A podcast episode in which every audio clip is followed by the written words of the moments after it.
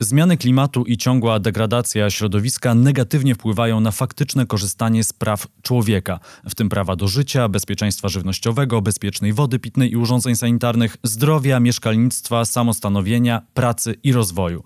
Czytamy w stanowisku Parlamentu Europejskiego, a w Zielonym Podcaście porozmawiamy o tym dokumencie z jego współautorką, eurodeputowaną Janiną Ochojską, założycielką i prezeską Polskiej Akcji Humanitarnej. Obserwujcie stronę facebook.com kośnik Zielony Podcast i mój profil na Instagram Instagramie, polecam. Tam w relacji zawsze dużo aktualnych zielonych informacji, ale też okazja do zadania pytań kolejnemu gościowi albo gościni.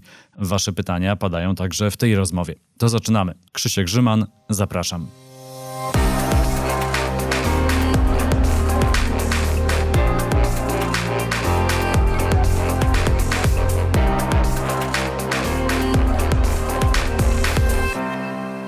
Gościnią Zielonego Podcastu jest Janina Ochojska, eurodeputowana, a przede wszystkim założycielka i wieloletnia prezeska Polskiej Akcji Humanitarnej. Dzień dobry. Dzień dobry. E, e, wiem, że złapałem panią trochę między Warszawą, domem, a tak naprawdę wyjazdem e, do Grecji, bo jedzie tam pani oglądać obozy dla uchodźców. Ja wiem, że to może źle brzmi, jedzie pani oglądać, ale jedzie pani na miejsce przyjrzeć się sytuacji. Przyjrzeć się sytuacji, dlaczego zamiast zwykłego ogrodzenia buduje się betonowe mury, wokół obozów. Chce doprowadzić do zatrzymania tej budowy i do wyjaśnienia sprawy, bo y, powstawienie muru wokół obozu dla uchodźców oznacza już całkowite oddzielenie e, tej społeczności migrantów od społeczności lokalnej. Więc y, to, to, to, to ma dla mnie ogromne znaczenie, bo jeżeli e, Europa ma przyjmować uchodźców, no to nie może ich przyjmować w taki sposób, zamykając ich w betonowym więzieniu tak naprawdę. Zanim przejdziemy do rozmowy o, o tym, co może zrobić Unia Europejska, o sprawozdaniu, o raporcie, a chciałem jeszcze tylko podkreślić, że zapowiadając ten podcast, zawsze to robię na Facebooku i na Instagramie, no to e, tylu pozytywnych komentarzy a propos gościni e, i, jeszcze nie miałem, więc może się tu pani czuć bezpiecznie, to jest safe space na pewno. Chciałem zapytać, no bo Polska Akcja Humanitarna działa od 92 roku, pani jest aktywna w tej sferze dłużej. Kiedy pierwszy raz pojawiły się wątki klimatyczne? Kiedy pierwszy raz zwróciła pani na to uwagę? Uwagę, że to jest ważny temat i prawa człowieka y, i kryzys klimatyczny się ze sobą łączą? Tak naprawdę zaczęliśmy zwracać uwagę na zmiany klimatyczne, jak założyliśmy pierwszą misję w Afryce, czyli w Sudanie Południowym. Wtedy jeszcze w 2006 roku to była część Sudanu. Chociaż w programie edukacji humanitarnej ten wątek klimatyczny prowadziliśmy już tak powiedziałabym na pewno od momentu wstąpienia do Unii, czyli od 2004 roku, ale, ale zdarzało się to i wcześniej. No ale jako temat to weszło najpierw poprzez edukację humanitarną, a później te zmiany klimatyczne, ten problem zaczęliśmy widzieć w tych krajach, które najbardziej są dotknięte zmianami klimatycznymi, czyli w tak zwanych krajach e, południa, globalnego południa. Ten nowy raport, sprawozdanie, y, który powstał w Parlamencie Europejskim, on tak naprawdę naświetla problem kryzysu klimatycznego i sytuacji tak naprawdę chyba można powiedzieć bogatej północy, y, biednego południa y, przez pryzmat praw człowieka. Tak mi się wydaje, że to jest nowe podejście dla wielu osób. No i chyba tak naprawdę porozumienie paryskie otworzyło drogę też do takiego patrzenia na sprawę i do wymagania czegoś od państw najwyżej rozwiniętych. Oczywiście, ponieważ y, my musimy sobie zdawać sprawę z tego, że my jako kraje rozwinięte, które używają wszystkich źródeł naturalnych e, do tego, żeby wygodnie i bezpiecznie żyć, jakby sposób pozyskiwania energii powoduje ogromne zanieczyszczenia, które mają przede wszystkim wpływ na zmiany klimatyczne w krajach globalnego południa. E, bo e, wyższa temperatura, e, większa ilość kataklizmów naturalnych powoduje na przykład gorszą dostępność do, albo w ogóle brak dostępu do wody pitnej, czy powoduje wysychanie gleby, takie zmiany klimatyczne, które uniemożliwiają uprawę roślin, które dotychczas były uprawiane. Czyli tak naprawdę niemożliwa jest lokalna produkcja żywności. To powoduje zarówno brak wody, jak i brak możliwości produkcji żywności, powoduje migracje. Najpierw wewnętrzne, potem zewnętrzne w ramach kontynentu, aż w końcu y, również migracje do, do Europy. I my, jeżeli nawet najbardziej bylibyśmy nastawieni pozytywnie do przyjmowania uchodźców y, czy w ogóle migrantów do Europy, bo przecież też ich potrzebujemy, to mamy świadomość tego, że wszystkich nie przyjmiemy. Dla wszystkich po prostu nie będzie miejsca. W związku z tym musimy działać na rzecz lokalnego środowiska, tak żeby ludzie z powodu zmian klimatycznych nie musieli opuszczać swoich domów. I y, to by bardzo wyraźnie zmniejszyło migrację, y, chociaż oczywiście ja uważam, że prawo do migracji ma każdy człowiek, który y, żyje na ziemi, prawda? Bo miejsce urodzenia jakby wcale nie wyznacza tego miejsca, gdzie, gdzie mamy żyć. I my sobie przyznajemy to prawo w Europie czy, czy w Ameryce Północnej, a tego prawa odmawiamy ludziom, którzy żyją w krajach globalnego południa. Więc y, oprócz tego, że powinniśmy ograniczyć e, zużywanie energii i e, zanieczyszczenia, no nie tylko CO2, ale również, e, również innymi produktami spalania, to y, powinniśmy mieć świadomość, że te zmiany klimatu naruszają prawa człowieka. I ja myślę, że y, jeszcze niewiele osób, e, które nie mają do czynienia z tymi tematami, zdaje sobie sprawę, jaki wpływ mają zmiany klimatyczne e, na prawa człowieka. Jest to wpływ negatywny. My sobie nie wyobrażamy, no jak to, prawo do wolności, prawo do życia w demokratycznym kraju i, i co jeszcze, prawda? Ale przecież jest prawo do wody, prawo e, do życia w bezpiecznym środowisku naturalnym. Właśnie, y, tak naprawdę, gdy my łączymy nawet temat y, kryzysu klimatycznego i praw człowieka, to my często pewnie myślimy o tym w perspektywie, no tak, ja mam tutaj w Europie prawo do życia w dobrym, czystym y, środowisku, w zdrowych warunkach, ale my cały czas, wydaje mi się, zapominamy właśnie o krajach, w których sytuacja już na samym starcie była dużo gorsza, a degradacja środowiska i degradacja, pogorszenie sytuacji klimatycznej no, ma wpływ już naprawdę destrukcyjny y, na życie y, właśnie czy to w rejonie Afryki subsaharyjskiej, czy w wielu innych miejscach na świecie. My cały czas chyba jednak o tym problemie myślimy z naszej wygodnej jednak perspektywy y, europejskiej. Dla nas podniesienie średniej temperatury o 1,5 stopnia oznacza, że tak, susze będą częstsze, powodzie mogą być częstsze, te nienaturalne dla nas zjawiska atmosferyczne będą się wydarzały, ale jednak my cały czas nie mamy tej perspektywy, że będą miejsca na świecie i są już miejsca na świecie, gdzie po prostu nie da się lub nie będzie dało się żyć. Oczywiście. My martwimy się tym, że w naszych miastach jest smog i że to wpływa negatywnie na nasze zdrowie. E, zaczynamy w Europie, no niektóre kraje już są dalej niż Polska, ale to jest już ruch, który właściwie ogarnia całą Europę, tylko w różnym stopniu, dbania o własne środowisko. No ale y, świat jest jeden i atmosfera jest jedna. Wody na świecie jest tyle, ile jest, tak? Jej znikąd nie przybędzie. Ona najwyżej, jej zasoby mogą się zmniejszać na skutek podwyższenia temperatury. W związku z czym Y, nie możemy myśleć tylko o swoim środowisku, ponieważ y, żyjemy w globalnym świecie i podróżując na przykład często samolotami, y, też wpływamy na negatywne zmiany w środowisku naturalnym. I to musimy sobie zdawać sprawę z tego, że my, będąc bogatszymi krajami, możemy się bronić przed tymi zmianami, mając klimatyzowane domy, klimatyzowane sklepy, żyjąc bezpiecznie, tak poruszając się w klimatyzowanych samochodach, w związku z czym y, jedzenie zawsze jednak będzie, prawda? Y, woda wydaje nam się, że też. No ale za, zaczynamy o to dbać, w ogóle nie myśląc o tym, co, co dalej.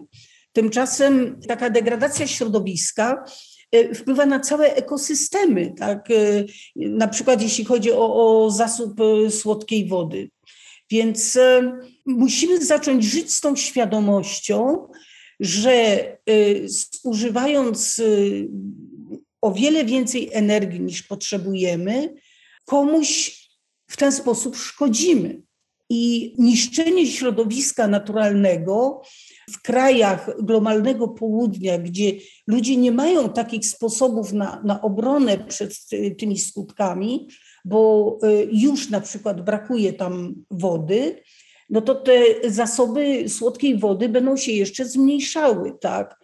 To będzie wpływało na prawo do życia w bezpiecznym środowisku, bezpiecznym również y, pod względem dostępu do żywności, do urządzeń sanitarnych. To będzie wpływało na zdrowie, na pracę, na rozwój, no na, na, na wszystko, co wiąże się y, z życiem człowieka.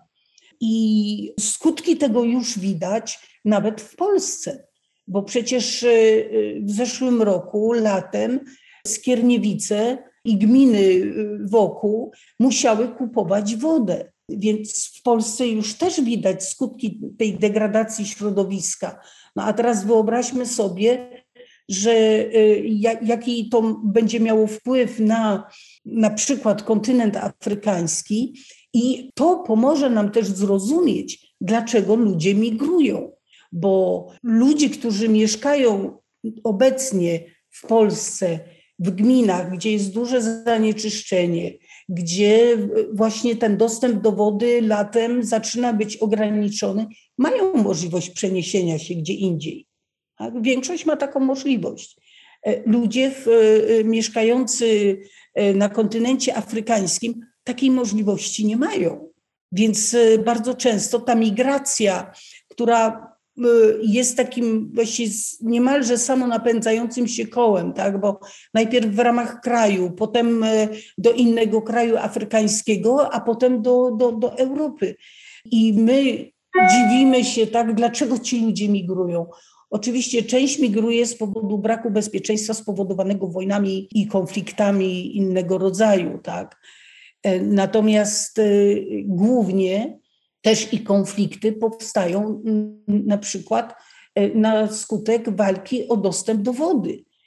Ja uważam, że nas e, czeka w ogóle wojna o wodę, która pewnie pierwsza, jeżeli nic się nie zmieni, będzie miała miejsce na terytorium Sudanu, Egiptu i Etiopii, gdzie plany budowy kolejnej tamy na Nilu E, mogą spowodować, że zarówno Sudan, jak i Egipt zostaną pozbawione dostępu do takiej ilości wody, która jest im obecnie potrzebna. Więc e, e, to, to, to będzie narastało. I y, kto może zatrzymać taką degradację środowiska? My, bo my mamy na to środki. To zanim przejdziemy do tego, jakie działania mogą podjąć kraje wyżej rozwinięte, ale i cała społeczność międzynarodowa, chciałem jeszcze zwrócić uwagę na drugą część tej diagnozy, która jest stawiana w raporcie, w sprawozdaniu, a chodzi dokładnie o rolę obrońców y, y, środowiska, no bo to są osoby, które są na pierwszej linii, że tak powiem, frontu walki. One coraz częściej padają ofiarą zabójstw, porwań, tortur, przemocy. Y, no, ta sytuacja jest tak naprawdę tragiczna, a wydaje mi się, że w polskiej debacie publicznej ten temat praktycznie nie istnieje. My się tym w ogóle nie interesujemy. Rzeczywiście w Polsce rzadko mówi się o tym, że ktoś e, został aresztowany, jest torturowany czy zabity. E, ktoś, kto jest obrońcą e, środowiska naturalnego w krajach globalnego południa. Dlatego ten raport, on między innymi proponuje podjęcie takich działań, y, które y, będą dążyły do większej ochrony y, praw człowieka, obrońców klimatu, większej ochrony i wszystkim osobom i organizacjom również, które są zaangażowane w pracę na rzecz ochrony środowiska. Oczywiście trzeba powiedzieć, że ten raport on jest na pewno bardzo użyteczny, bo zwraca uwagę na pewne problemy i proponuje podjęcie działań, ale już ten raport nie, nie opisuje dokładnych działań, jakie y, mogłyby zagwarantować większą ochronę praw człowieka. I tutaj e, jest duża rola zarówno organizacji, jak i osób zaangażowanych w to, żeby monitorować, nawiąz nawiązywać kontakty, no bo w jaki sposób my możemy zagwarantować y, to bezpieczeństwo y, obrońcom klimatu? Y, właśnie wiedząc o ich działaniach, monitorując ich działania wspólnie, nagłaśniając je, to jest najlepszy sposób na obronę na przykład y, praw, y, obrońców praw człowieka i jakby to doświadczenie e, z obrony praw człowieka przeniesione na obronę osób, które zajmują się bronieniem klimatu, czy, czy zajmują się bronieniem środowiska naturalnego, to, to przeniesienie tych metod jest, uważam, E, bardzo e, użyteczne, bo to są już wypróbowane metody.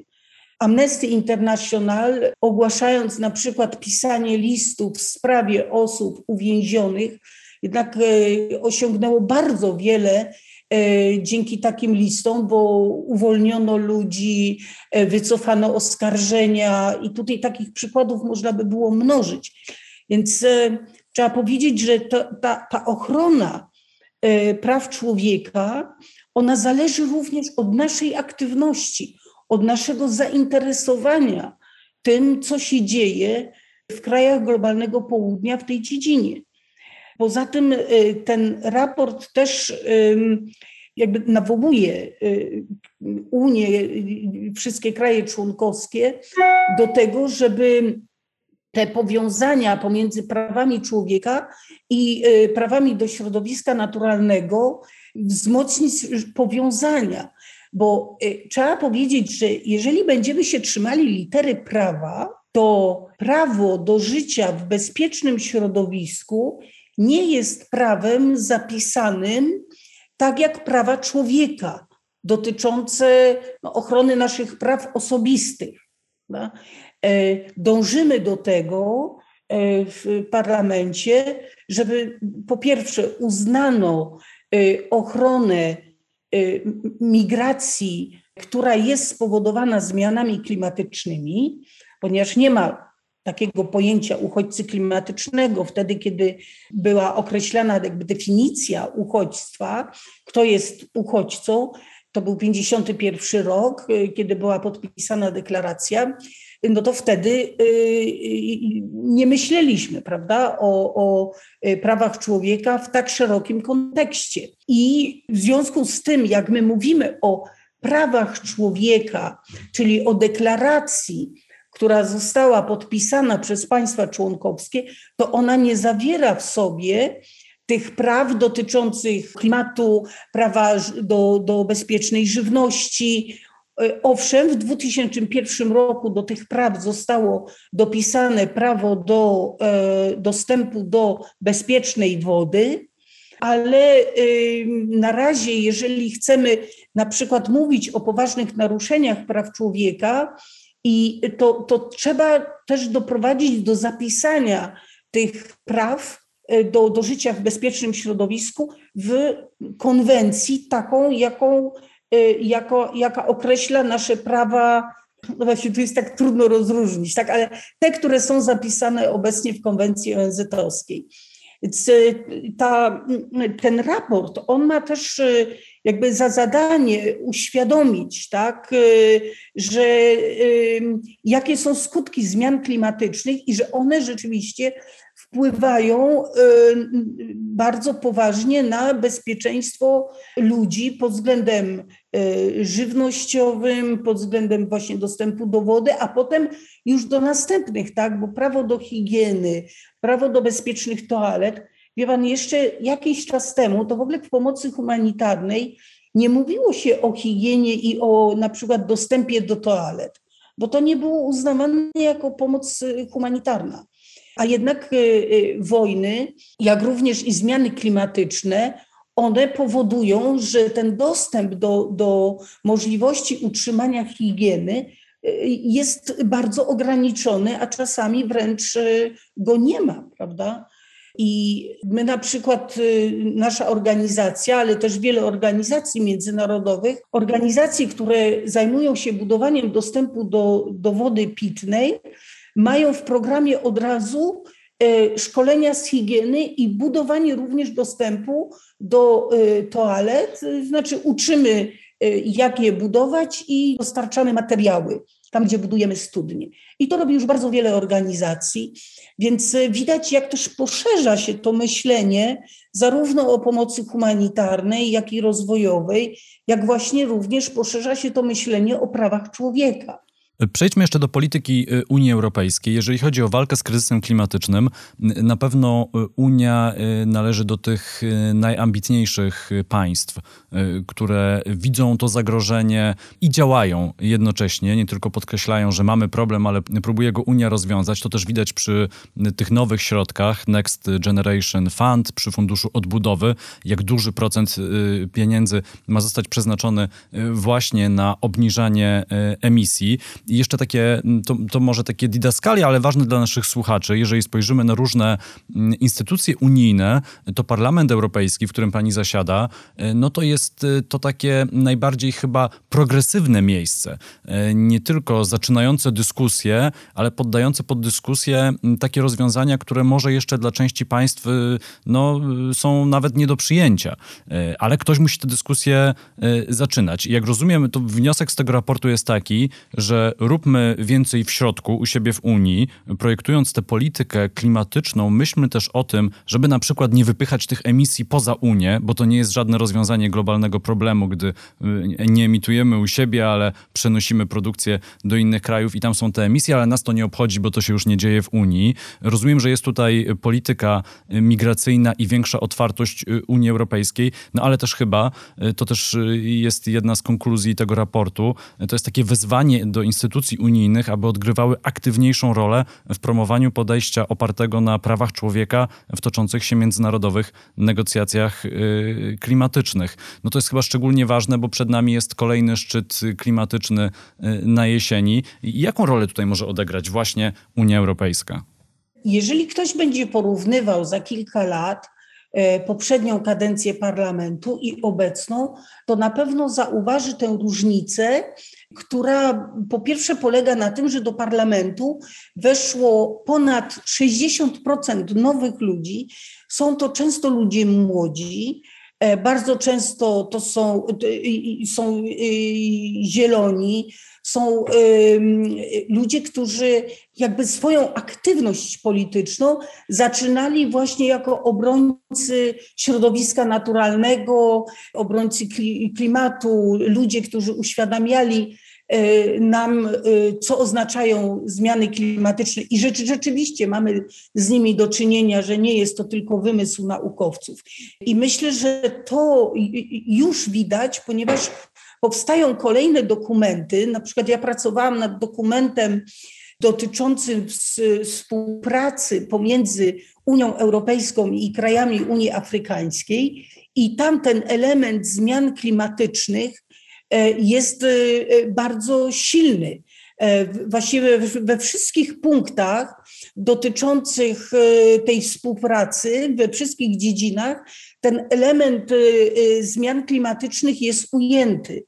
E, również e, e, raport, który niestety przepadł, który no, był przegłosowany na nie, to był raport dotyczący wpływ zmian klimatycznych na najuboższe społeczności. I to, że powstają takie raporty, które właśnie wiążą ze sobą zmiany klimatyczne i różne dziedziny działania, na przykład te komisje, które działają w, w takich działach dotyczących prawodawstwa, czy dotyczących działań podmiotów prywatnych, czyli różnego rodzaju firm, ale też i państwowych. Wszędzie to, to ujęcie i patrzenie właśnie na zmiany klimatyczne i zmiany, jakie to powoduje w naszym środowisku, e, jest obecne. I to myślę, że, że wyróżnia, będzie wyróżniało bardzo mocno e, tę poprzednią kadencję, bo e, chociaż tam oczywiście te problemy też były obecne, to nie tak bardzo jak, jak są teraz, bo zmienił się skład, przyszło dużo nowych ludzi, młodych ludzi, którzy mają już e, inne doświadczenie niż politycy. Ja powiedziałabym nawet więcej, to są bardziej działacze i aktywiści, e, tak jak ja, niż e, politycy. Oczywiście wchodzimy w tę politykę, ale jakby nasz background jest raczej, pochodzi z organizacji pozarządowych, z różnego rodzaju aktywizmu. I to, i to widać. No, gdyby nie COVID, i to, że nie mogliśmy się poznać e, e, osobiście, tylko w większości znamy się przez internet, no to też wpłynęło na pewno jakoś e, hamująco na, na pracę parlamentu. No ale wszyscy mają nadzieję, że, że od września będziemy się już spotykać bezpośrednio i to na pewno da jeszcze większy napęd bo y, ja sama, mając też różne już kontakty i, i, widząc y, właśnie w jakim kierunku są planowane prace parlamentu, widzę, że jest taki napęd w tym, w tym zielonym kierunku.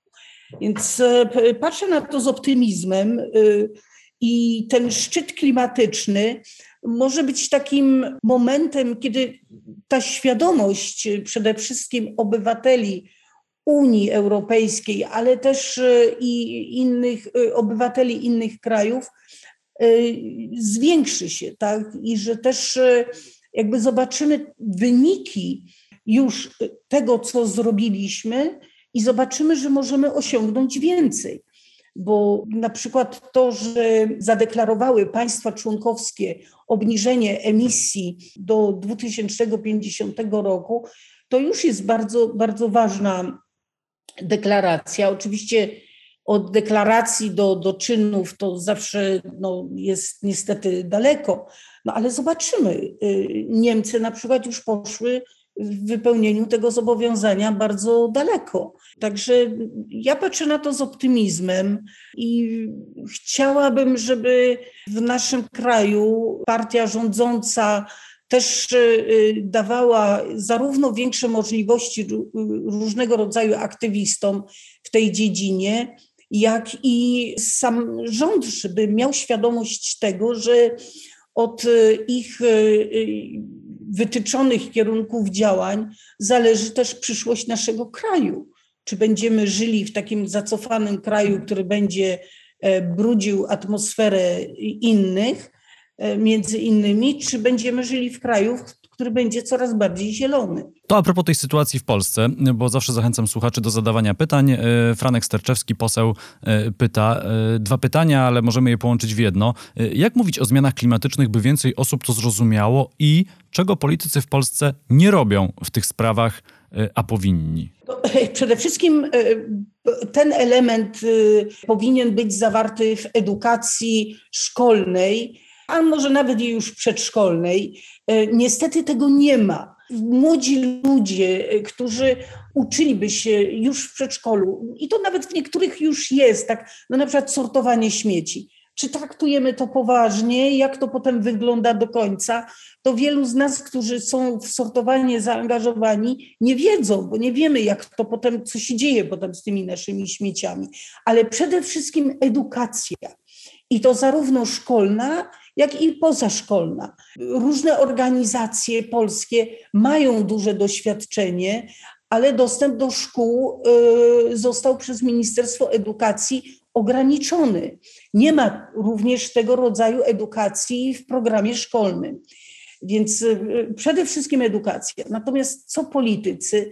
No polityków trzeba by było też solidnie wyedukować bo czasami mówią coś, co, co jest kompletną nieprawdą. Natomiast e, ja myślę, że politycy będą tacy, jakich wybierzemy. W Sejmie będziemy mieli takich polityków i takich ludzi, jakich wybierzemy.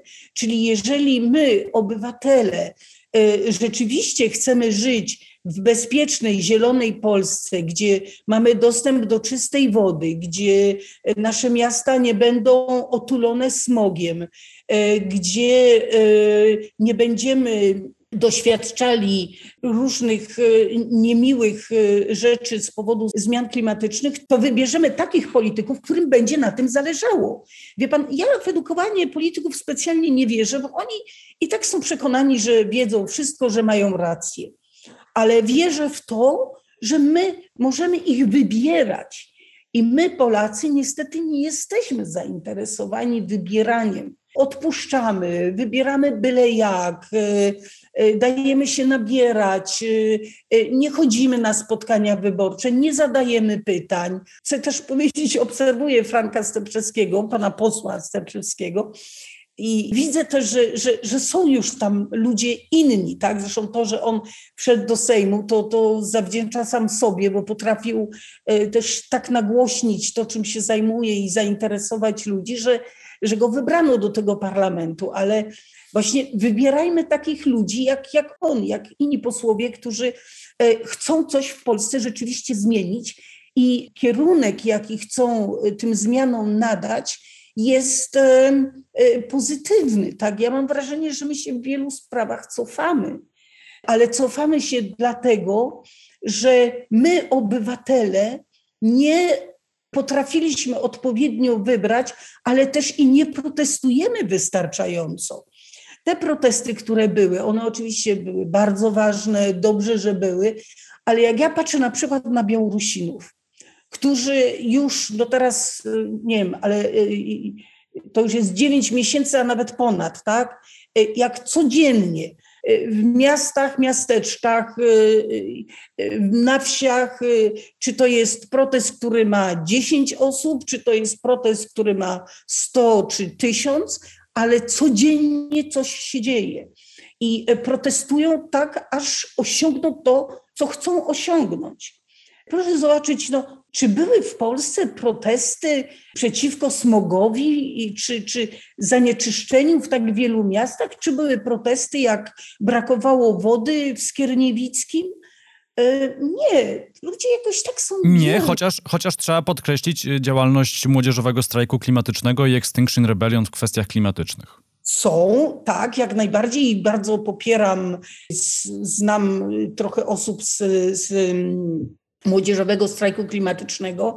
Podziwiam, popieram, e, ale do, e, to jest cały czas za mało. Znaczy dobrze, że oni są i wierzę, że będą się rozrastali, ale tego powinno być więcej. Przecież to dotyczy każdego obywatela, prawda? Dlaczego tej młodzieży nie ma więcej? Dlaczego ludzi e, też no, już dojrzałych w tych protestach nie ma? Przecież to wpływa na nas negatywnie. I tu się pojawia kolejne pytanie, bo rozmawialiśmy o, o tym, y, że prawo do mm, życia w czystym środowisku z ograniczonymi y, zmianami klimatu to jest prawo człowieka. To jak w Polsce wyegzekwować te prawa człowieka, pyta y, Agnieszka. Może jakiś pozew do sądu powinniśmy złożyć za bezczynność rządu w tych kwestiach?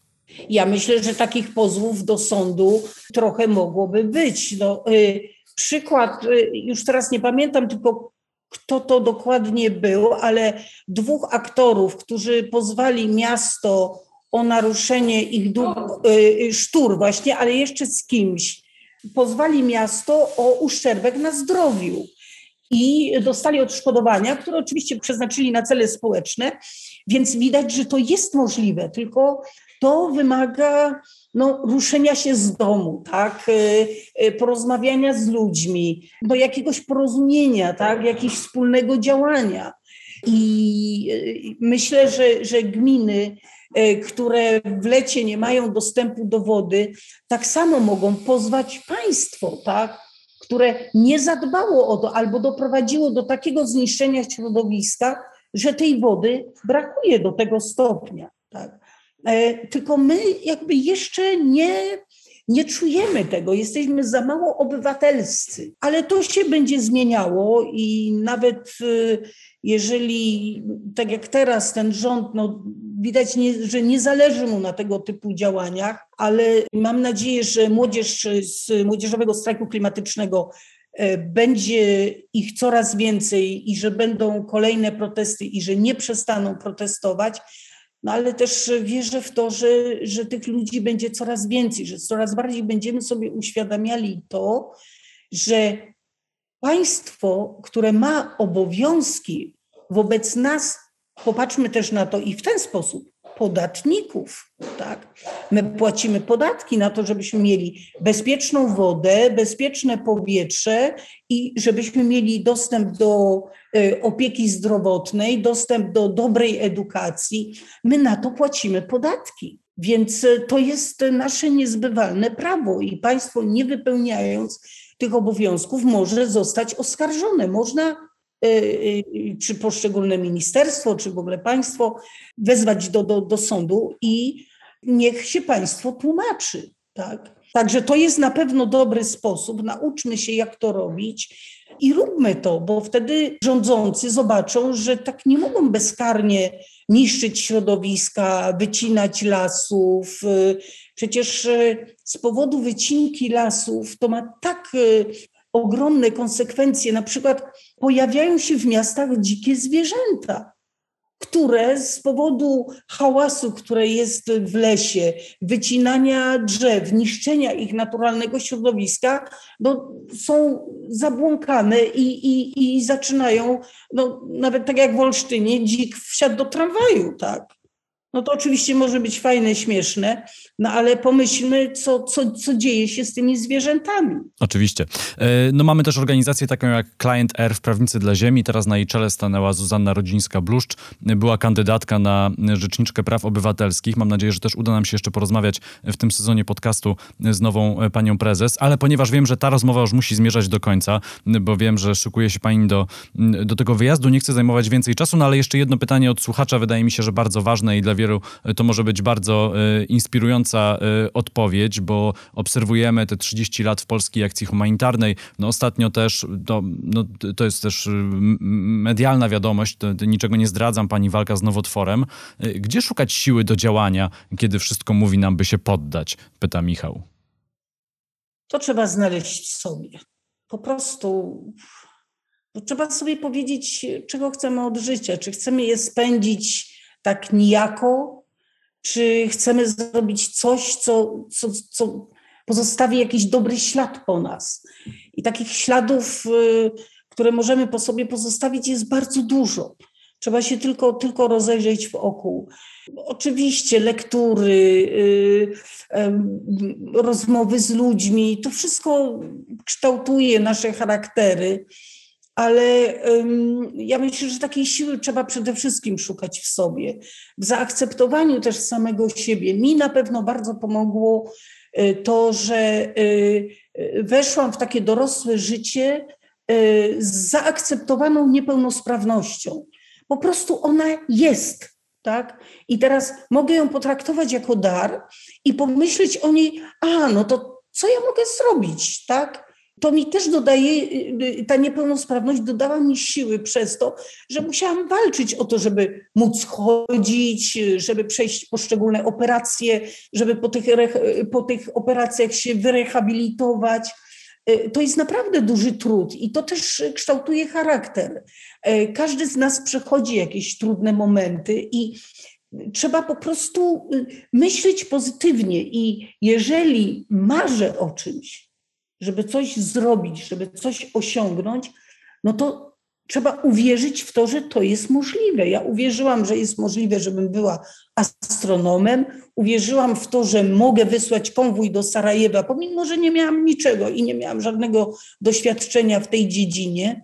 Z tego wyszła polska akcja humanitarna, więc y, można, y, mając naprawdę niewiele, y, pomagać ludziom na całym świecie. Namawiając też do tego innych, bo przecież to jest nie tylko polska akcja humanitarna jako pracownicy, to są ci wszyscy, którzy nas wspierają. E, I to też jest jakiś ślad pozostawiony, prawda? Więc e, można na wiele sposobów e, znajdować w sobie siły, po prostu poprzez to, że, że się wierzy w to, co, co chce się zrobić. I jeżeli będziemy wierzyli w to, że możemy uchronić Ziemię od takich zmian klimatycznych, które przyszłym pokoleniom nie pozwolą żyć na Ziemi, no to yy, na pewno tego dokonamy.